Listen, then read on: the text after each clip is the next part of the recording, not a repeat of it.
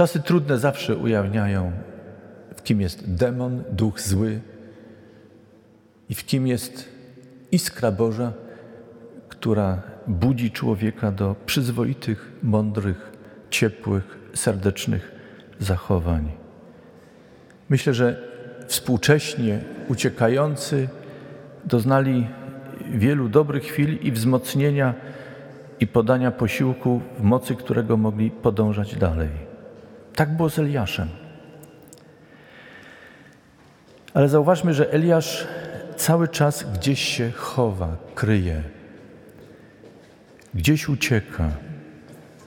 Tym razem schował się w rozpadlinie skalnej, w pieczarze.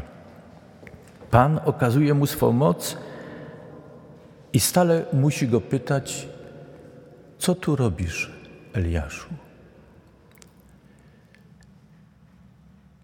Uczestnicy studium biblijnego wiedzą, że fascynują mnie pytania, które Bóg stawia. One są mądre i dobre. I myślę sobie, że to jest jedno z tych genialnych pytań, które pojawiają się, które Bóg wypowiada do człowieka. Co tu robisz? Wypowiedzcie w tym miejscu swoje imię.